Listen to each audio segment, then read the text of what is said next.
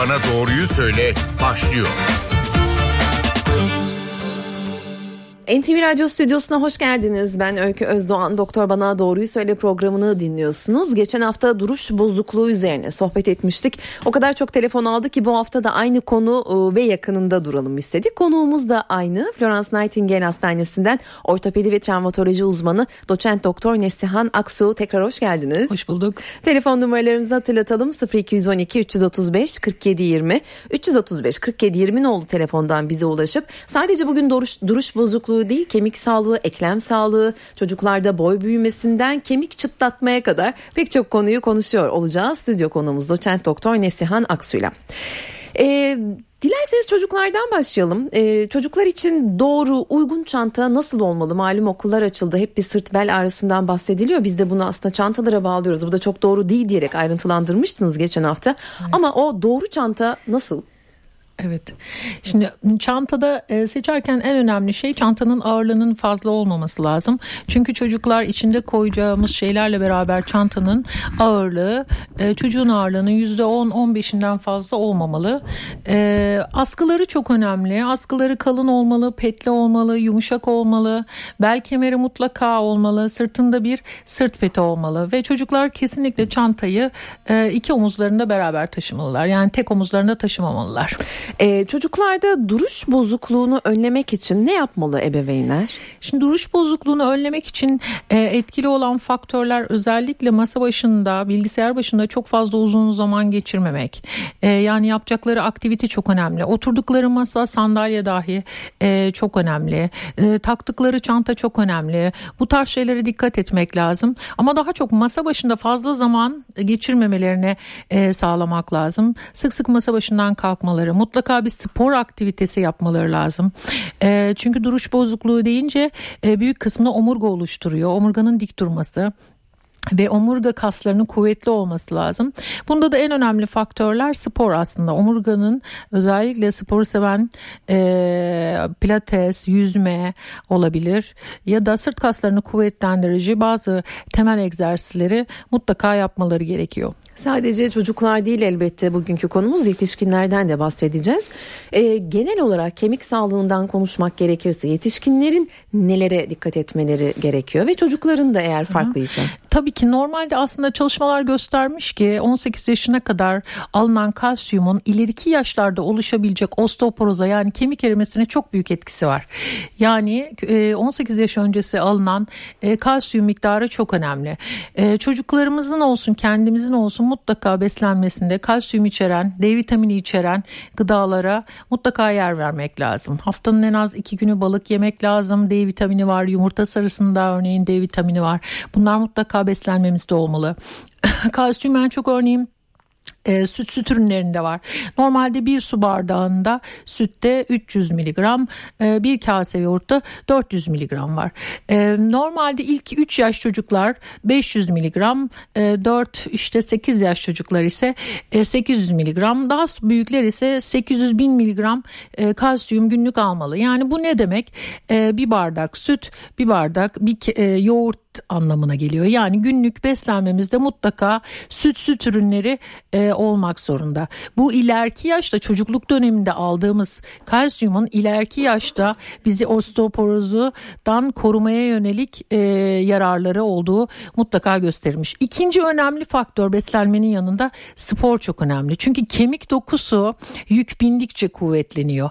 E, özellikle belli bir yaş sonra 40 yaş sonra aktivitemiz azaldığı için kemik kemiklerde e, bayağı bir değişiklikler oluyor.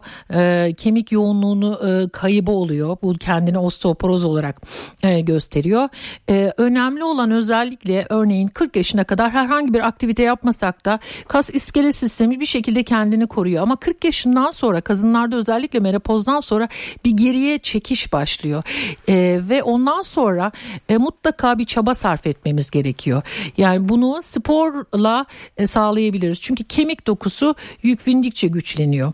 Mutlaka bir spor aktivitesi çocuklarımız olsun kendimiz olsun yaşamımızda. Bu çok zor büyük bir aktivite olması gerekmiyor. E, eğlenceli hale getirecek şekilde takım oyunları şeklinde de olabilir ama hayatımızda bir spor aktivitesinin olması şart. Telefon numaralarımızı hatırlatalım.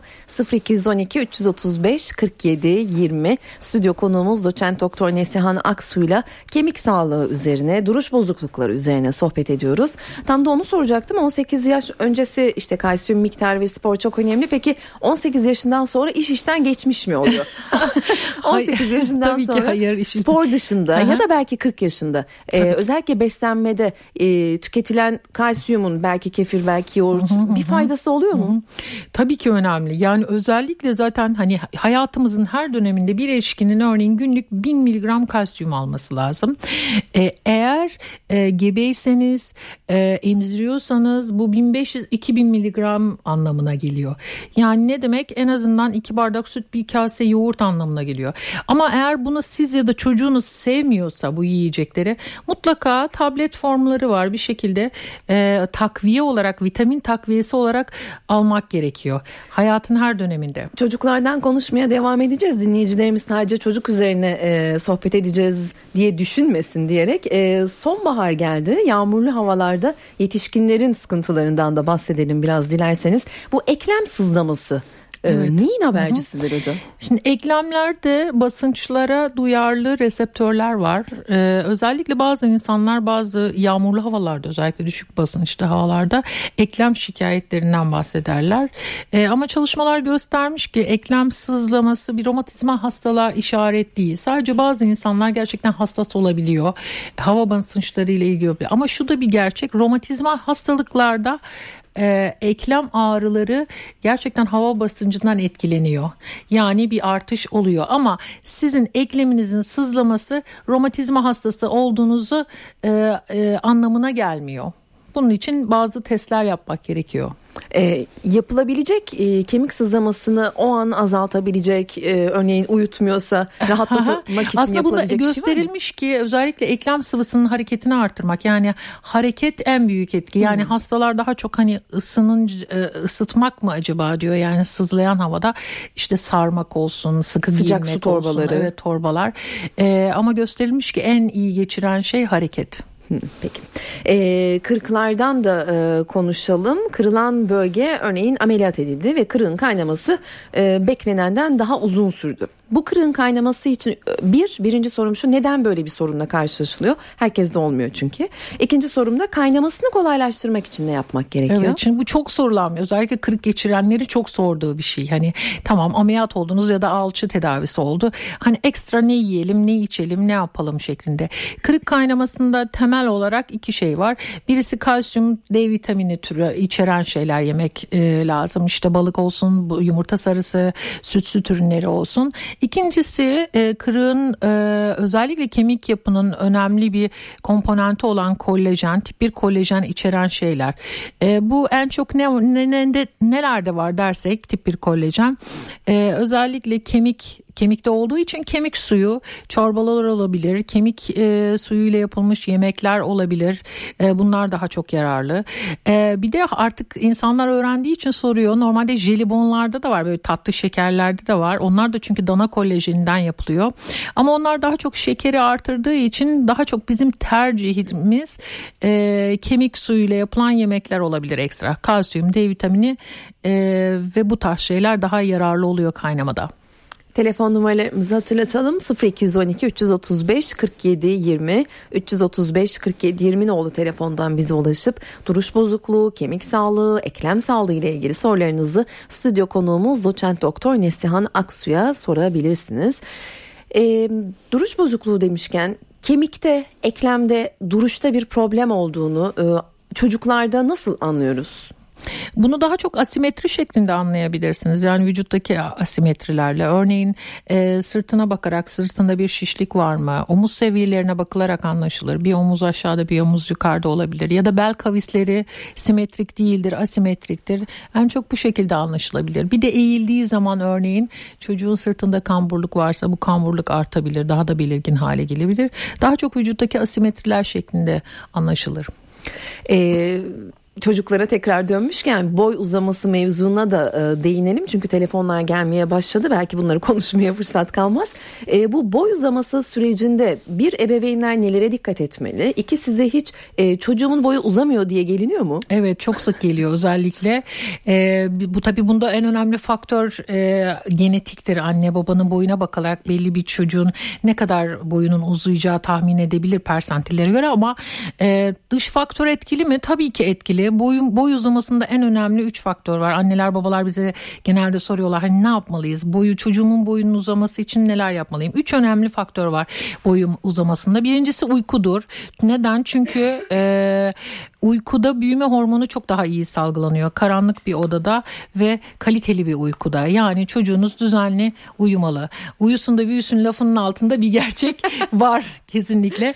İkincisi beslenme. Kalsiyum ve D vitamini içeren gıdalar mutlaka almalı. Kemik çünkü sağlığında kemik uzamasında çok önemli ee, bir faktör bu tabii ki. Bir iki, üçüncüsü ise zıplamalı sporlar. Neden? Çünkü özellikle zıplamalı sporlar hızlı çalışan kas hücrelerinin büyüme hormonu salgılatmasını sağlıyor. Yani basketbol, voleybol, tenis olabilir. Zıplama içeren sporlar gelişim çağında e, yapılırsa boy uzamasında etkili olduğu gösterilmiş. Üç önemli faktör var. Peki reklam arasına kadar dinleyici sorularını yanıtlamaya başlayalım. E, merhaba yayındasınız, hoş geldiniz. Alo merhabalar Ahmet Küçük. Alo. Benim doktor hanıma bir sorum olacaktı. Mümkün mü acaba? Lütfen buyurun sizi dinliyoruz. Ee, şimdi ben yaklaşık kendim için ilkten soracağım. Daha sonra çocuğum için de bir soru soracağım. Ee, 15, 16 ya da 17 gün oluyor. Ayak parmağımı kırdım. Ufak parmağımı. Tabii ben e, bunun e, kırıldığından farkında değilim. Akşam biraz morarınca doktora gitmek zorunda kaldım. Orada herhangi bir işlem yapmadılar. Alçıya alınamıyor dediler küçük parmak. Ee, bunun üzerine bir sarıp gönderdiler tabii ama e, şu anda ayağımın daha kaynadığından em- emin değilim. Çünkü parmağım hala kırık gibi gözüküyor. Ee, e, Ne tedavi kadar oldu çok pardon. Ne kadar oldu? Yani 15 günü geçti yani. 2, 2 haftayı geçti ufak parmağım. Evet. Yaklaşık 3 haftada kaynar. Yani bir kaynama dokusu oluşmuştur ama bir haftanız daha var e, rahatlamak için. Ee, bir hafta dağımız daha var. Yani Evet. şimdi e, sargıyı çıkartmamam söylendi ama e, çıkartmadan da olmuyor. Tabii ki bir e, şey yapmam gerekiyor. Banyo yapmam gerekiyor. Sorunuz nedir? Sorunuz nedir? E, süremizi Yani ekonomik neden kullanalım. Tamam ben anladım Ayağımın anladım. kaynamadığını öğrenebilir miyim? Aha, tabii ki. pardon. Ee, şöyle ilk seferde şimdi doğrudur alçı yapmıyoruz. Ee, bir sargı yapıyoruz. Genelde yan parmağı e, destek olarak kullanıp iki parmağı beraber sarıyoruz yanındaki parmakla. Ee, iki hafta olmuş artık sargı sarmayabilirsiniz. Morluklar geç geçer ona hiç endişelenmeyin. Ee, sargıda e, sarmayın çünkü ayak terler yıkamak zorunda kalıyorsunuz. Tek yapmanız gereken şey yürürken parmaklarımızın üstünden yükseliriz. Siz onu yapmayın yeter. Yani yürürken ayağınızı kalıp gibi düz bir şekilde indirip kaldırarak yürürseniz ağrısızı yaşamazsınız. Çünkü kırık olan bir parmak büküldüğü zaman ağrı duyar. O yüzden yürürken kalıp bir şekilde ayağınızı yerden kaldırıp indirirseniz bir hafta daha eee, kaynama dokusu sağlamlaşacaktır. 3 haftayı tamamlayınca rahatlayacaksınızdır. Sargıya gerek yok. Geçmiş olsun diyelim. Diğer dinleyicimizi aldık yayına. Buyurun lütfen. Radyonuzun sesini kısabilir misiniz? Yayındasınız. Ee, biz yayını da duyuyoruz ama siz bizi duymuyorsunuz herhalde. Ee, yayındasınız. Son kez soralım. Evet. Ba- bağlanıp bağlandı mı efendim? Canlı yayındasınız. Bir 30 saniyedir sizden cevap almayı bekliyoruz. Radyonuzun sesini kısıp sorunuzu sorar mısınız? Şu an kısık sesi. Tamam şimdi alalım sorunuzu. Buyurun lütfen. Ee, öncelikle iyi yayınlar, iyi yayınlar diliyorum ben. Teşekkür ederiz. Ee, şöyle söyleyeyim, e, tam aslında konuyla alakalı e, benim e, yaşantım. Biz, e, ben kendim güvenlik görevlisi iş yapıyorum. Hı hı. Ee, pozisyon olarak e, bazen aynı yerde sabit oturuyoruz. Ee, yani hareket o hı. şeyi biraz kısıtlı olduğu için e, diz eklem ağrıları oluyor bende dizlerimde. Hı hı. Ee, Ben birkaç doktora gittim. Ee, Bununla ilgili bana birkaç romatizmal e, ilaçlar yazdılar. Hı hı. Ee, Bir 10-15 gün geçiyor. Ondan sonra tekrar devam ediyor. Bu benim normal işte dizi ağrıları e, kondisyonumu da düşürüyordu. Yani yaşamımı %50 daha düşürüyordu. Ondan Evet. sonra bir doktora gittiğimde şey verdi bana. Bu hastalığın teşhisi şey koydu. Ee, hani size yardımcı olması açısından söylüyorum. Ee, kondromalazi patelli diye bir rahatsızlık koydu bunun adını. Evet. Ee, ama yine böyle mevsimsel böyle yine ağrılar devam ediyor. Şikayetiniz sadece diz ekleminizde mi? Başka Evet eklemlerde evet de oluyor yok mu? farklı Sadece bir yerinde yok Allah aşkına. sadece diz Yani ama diz olarak ama benim e, hayatımı da %50 etkiliyor yani. Hı hı, anladım. İşte e, yorgunluk hissi, böyle romatizmal bir ağrı. Hı hı. Sorunuz neydi tam olarak? Yani bununla ilgili hani doktor hanımın Önerilerini. tavsiyeleri veya hani Dinleyelim. bu Buyurun hocam. Şimdi kondromalazi patella dizinin ön kısmındaki patella kemiğinin arkasındaki kıkırdakta bozukluk anlamına geliyor. Bu patellanın dizilimindeki bir sorunla da kaynaklanabilir. Örneğin sizin anatomik yapınızda dizin çünkü bunu ben hastalara şu şekilde an- anlatıyorum. Kaşımızın gözümüzün yapısı gibi vücudumuzda da birçok yerde yapılarımız birbirimizin aynı değil. Farklılıklar var. Hani neden bende oluyor da başkalarında olmuyor anlamı sorusunun cevabı budur.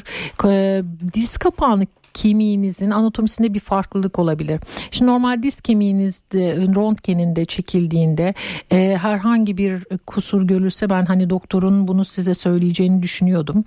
E, e, olmadığını düşünüyorum. Dizilim kusuru olmadığını düşünüyorum. Eğer dizilim kusuru yoksa yapabileceğiniz en iyi şey diz egzersizleri yapmak. Yani quadriceps egzersizi diyoruz biz.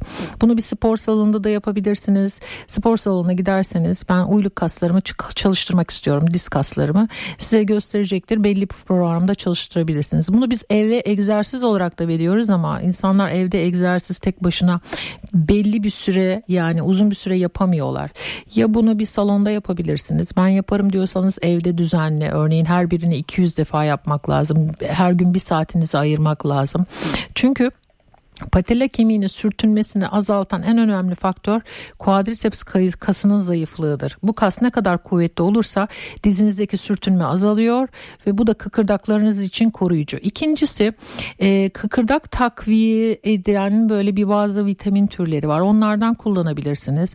Egzersiz yaptınız, vitamin de kullandınız, geçmedi. O zaman diz içi enjeksiyonlar var. Yani dizin içindeki e, içinde yağlayan bir e, sıvı takviyesi yapıyoruz. Normalde diz eklem sıvısı vardır dizi yağlayan ama bunun kalitesi bozulabilir özellikle bu tarz hastalıklarda daha da yoğun bir şekilde vermek gerekebilir.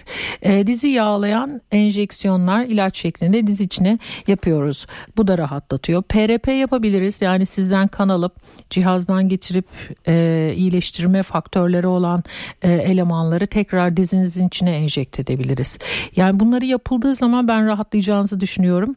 Artı eğer oturuyorsanız da sık sık her saat başı masanın başından kalkmanız, bir dolaşmanız, bir egzersiz yapıp esnerken vücudunuzu bir basit bir esnetmeniz tekrar masa başına oturmanız lazım. Çünkü çok hareketsiz kalmak da özellikle oturan insanlarda patella arkasındaki sıkışma arttığı için zaten bu tarz sizin e, söylediğiniz şikayetleri olan insanlar çok uzun süre bir sinema koltuğunda oturamaz bir araba kullanırken sıkıntı çeker bir koltukta otururken ya işte uzatmak ihtiyacı duyuyorum bacağımı şeklinde şikayetle geliyorlar yani uzun süre oturamazlar koltukta o yüzden bir kalkıp dolaşmanızda kesinlikle yarar var bence bunları yaparsanız rahatlayacağınızı düşünüyorum yaşınız da genç olduğu için. Diğer dinleyicimizi aldık yayına. Merhaba kısaca sorunuzu alabilir miyiz lütfen? Alo. Merhaba yayındasınız. Ee, hocam iyi yayınlar. Sağ olun. Kolay gelsin. Teşekkür Hocam ben kend- kendimle ilgili bir kısa sorum var. Ben 35-36 yaşındayım. Ee, sağ tarafında skolyoz mu? Şimdi tam tıbbi ismini hatırlayamadım. Bir eğrilik var hocam. Ee, Omurganızda. e, omurgamda bir eğrilik Hı var. hı, Ee, çok beni rahatsız etmiyor. hı hı. Ben koşu veya yapabiliyorum, spor yapabiliyorum, egzersiz yapabiliyorum. Bunun e, ileriye yönelik bir e, daha da eğilme ola- ol- olur mu? Ee, sağ kalça başı kemiği bel kemiğine yapışık dediler ve 25 o- yaşından sonra fark edildi. Doğuştan Aha, yapışıkmış hocam. evet evet Hocam anladım. bir de e, ikinci sorum hemen şöyle kısaca. E, annem ve kardeşimde e, romat e, ankilozan spondilit hastalığı Hı hı var. hı. Bunun bununla ilgisi var mı? Bir de 9 yaşında bir oğlum var hocam. E, HLA B27 diye bir test yaptırdık. E, doku doku Hı hı, tipleme testi. hı, hı hı. Bu çocukta da böyle e, Pozitif mi çıktı? Bağışıklık bağışıklık sistemi yok negatif çıktı hocam. Tamam güzel. bağışıklık sistemi hastalıkları var. Acaba bu da e, böyle hani annemden bir şey var mıdır? Onu Anladım. Şimdi istiyorum hocam. HLA-B27 hani negatif biliyorsunuz ankülozon spondilitte pozitif oluyor H- HLA-B27 e, olmadığı için e, bir avantaj ama en güzel hani bunun kesin yok mudur demek için bir romatoloğa götürmeniz lazım. Çünkü en yakın iki insanda e, ankülozon spondilit var. E, bir romatoloğa mutlaka çocuğunuzu götürün ondan sonra karar verirsin derim. E, sizin sorularınıza gelince sizin e, hemisakralizasyonunuz var yani leğen kemiğinize yapışık omurganızın yarısı. Bu ne anlamına geliyor? E, bir taraf yapışık olduğu için diğer e, tarafa daha çok yük biniyor. İleride belinizin o kısmında yani yapışık olmayan kısmında e, kireçlenme olacak. Yani bu size bel fıtığı ve dar kanal şeklinde omuriliği sıkıştırdığı için ameliyat olmanıza sebep verebilir. E, özellikle tek taraflı sakralizasyonların yani yapışıklıkların yaptığı budur. Skolyozunuz bu yaştan sonra pek ilerlemez ama skolyoz ilerlemese bile ne yapabilir? Yani normalde anatomik pozisyondan farklı bir pozisyonda bir omurganız var. Bu omurganın erken kireçlenmesine sebep olabilir.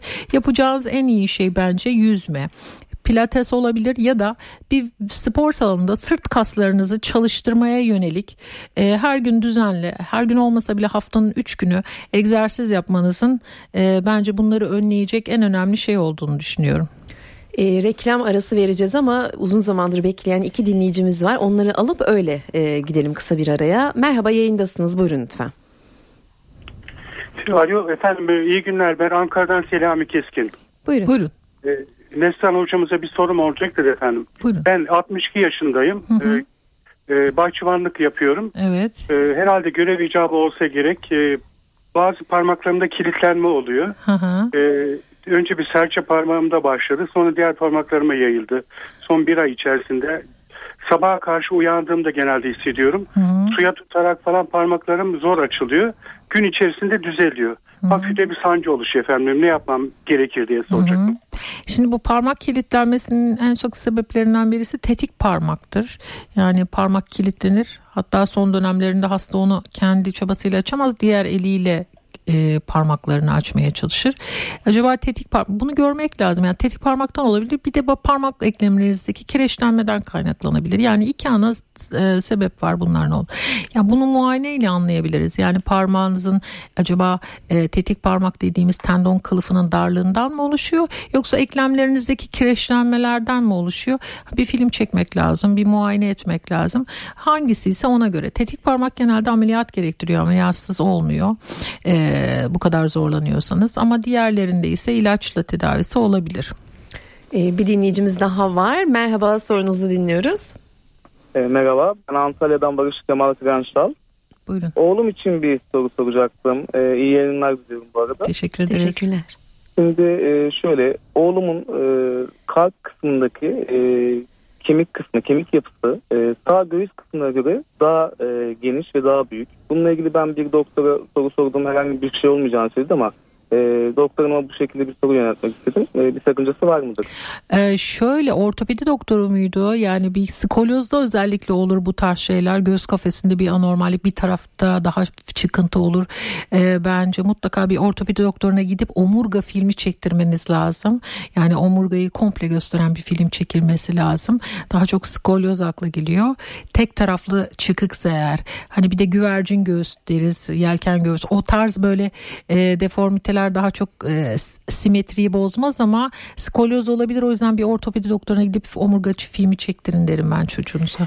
Şimdi kısa bir ara verelim. Telefon numaralarımızı da hatırlatalım. 0212 335 47 20. Stüdyo konuğumuz doçent doktor Nesihan Aksu'yla duruş bozukluğu, omurga, kemik, eklem sağlığı üzerine sohbet ediyoruz. Kısa bir aranın ardından yeniden yayında olacağız.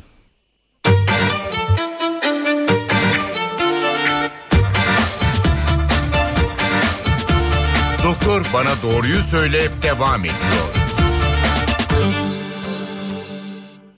Doktor Bana Doğruyu Söyle programında bugünkü konuğumuz doçent doktor Nesihan Aksu, ortopedi ve travmatoloji uzmanı. E, duruş bozukluğu, omurga, eklem, kemik sağlığı üzerine sohbet ediyoruz. 0212 335 47 20 telefon numaralarımız.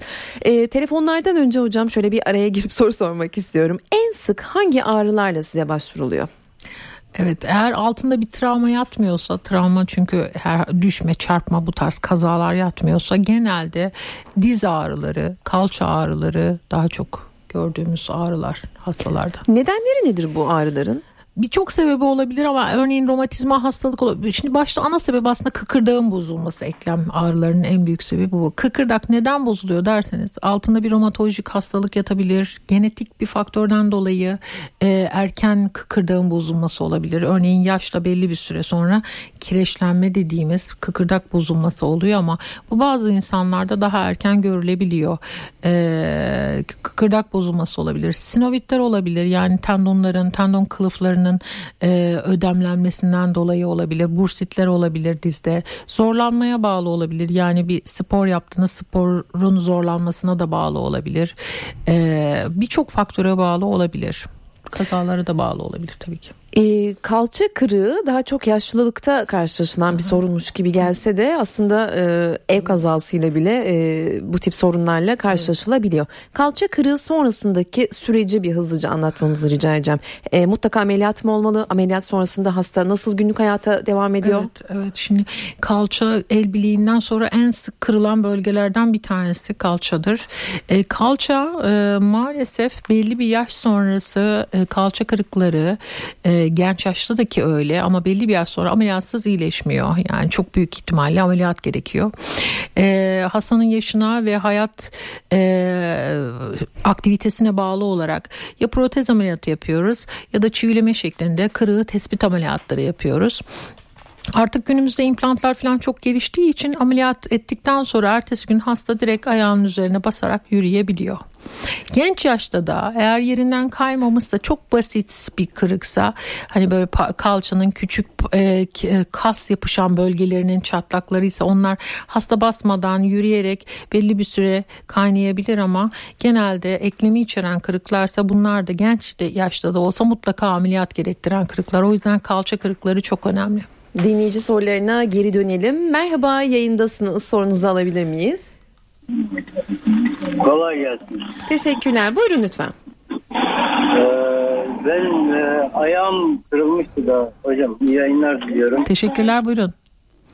Ee, ayağım kırılmıştı da benim e, ameliyat olmuştum yaklaşık bir yıl önce. Kaval kemiğiniz mi uyluk kemiğiniz mi? Ee, oynak kemiği kırılmıştı. Ayak bileği, oynak kemiği. Ha, ayak bileğiniz tamam. Aha. Oynak yerinden kırılmıştı. Hı hı. Ameliyat olmuştum. Bir senedir hala e, kurtulamadım yani onun şeylerinden. Kaynama tam oldu mu? Doktorunuz size tam kaynadı dedi mi belli bir süre sonra?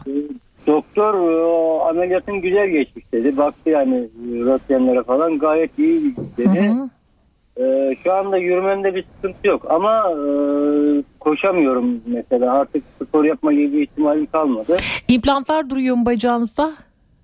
E, evet o e, vida takıldı ayağıma ameliyatta o vidalar duruyor. Tamam. Şimdi eğer spor yapmak istiyorsanız bence e, vidaları çıkartın derim. Çıkarttırın. E, implantlar da çünkü belli bir süre sonra ağrı yapabiliyor. İkinci yani a, spor yapmanızı engelleyecek ikinci şey e, acaba kıkırdakta bir bozukluk mu var? Yani ayak bileği kırıkları eklem içi kırıklardır.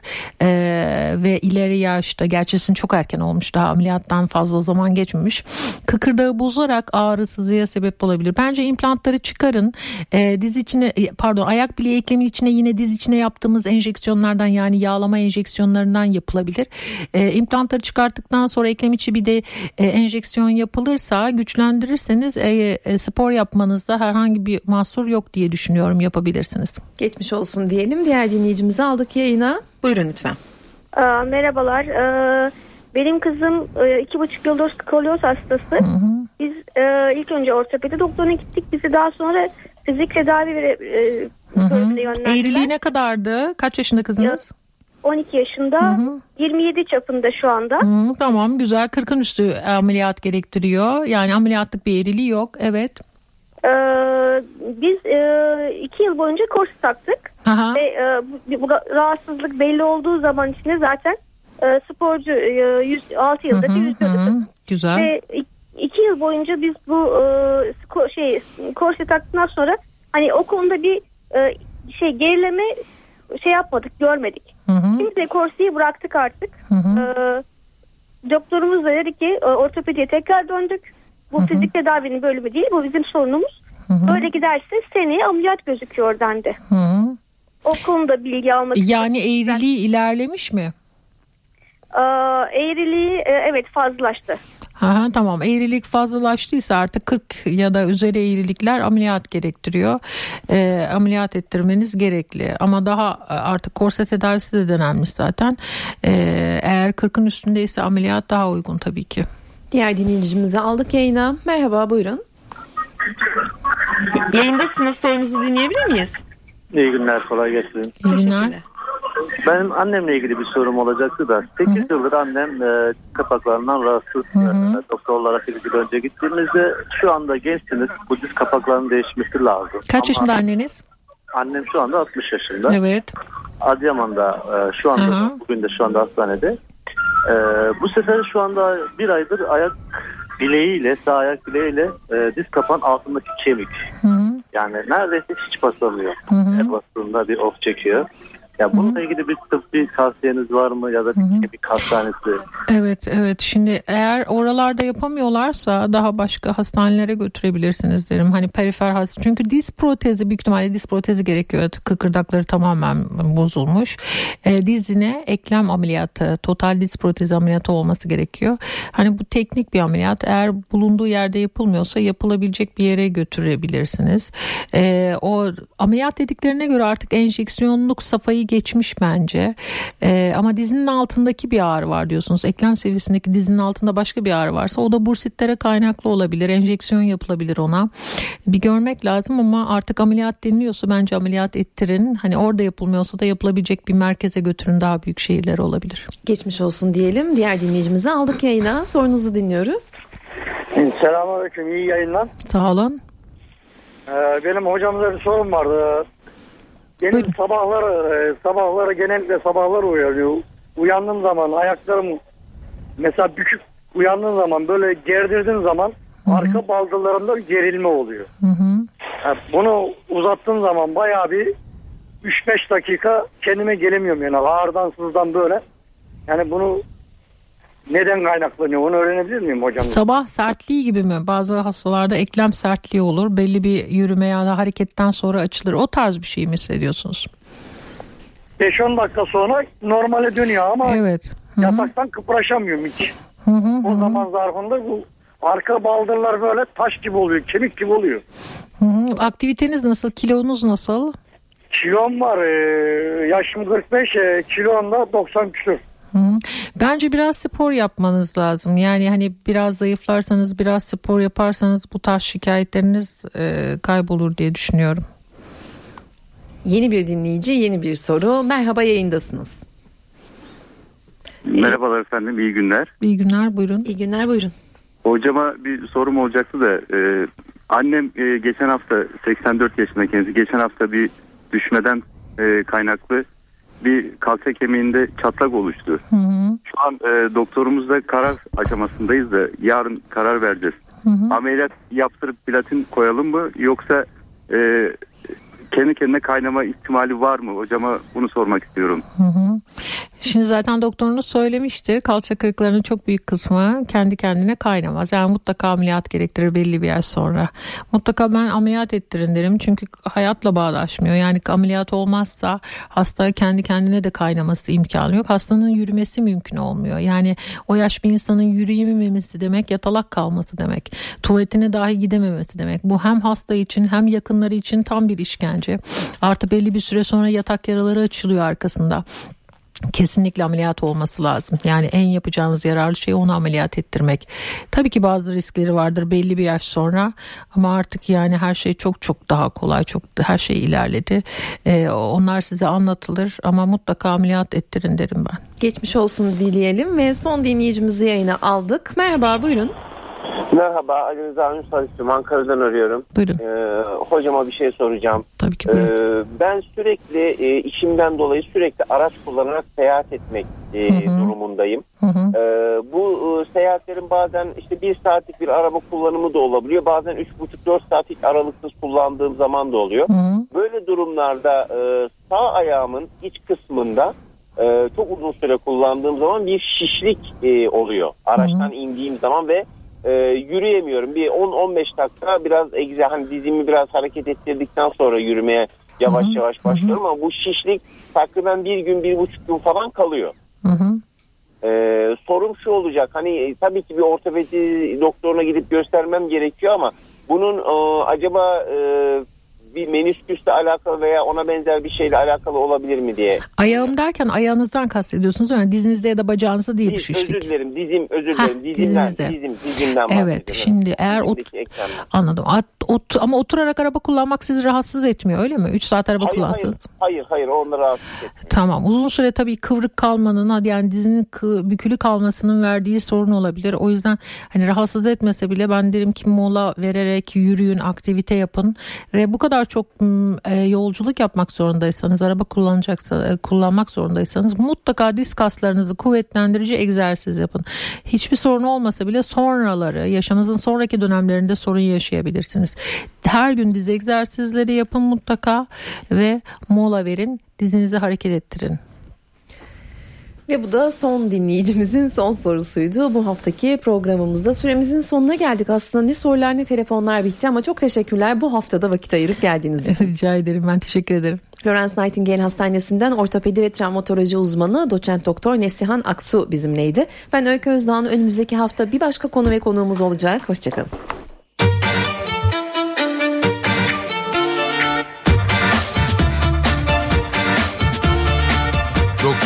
Bana doğruyu söyle.